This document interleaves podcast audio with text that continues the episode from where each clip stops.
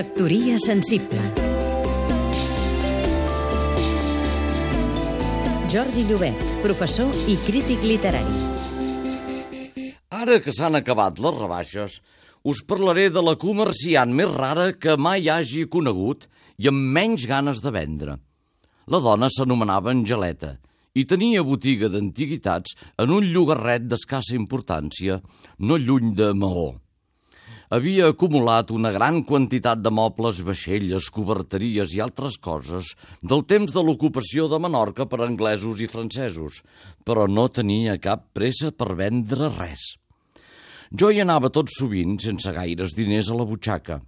Veia una cadira o una taula bonica i li em preguntava el preu.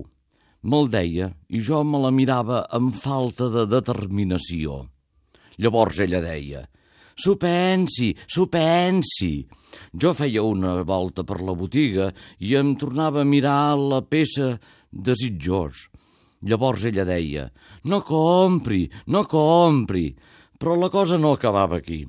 Quan ella veia que rondaves per la botiga massa estona, indecis, et deia, se'n vagi, se'n vagi. Per sort, quan ja eres al llindar, mai no deia, no torni, no torni. I jo hi tornava, però mai no comprava res, i tot i això sempre ens vam apreciar.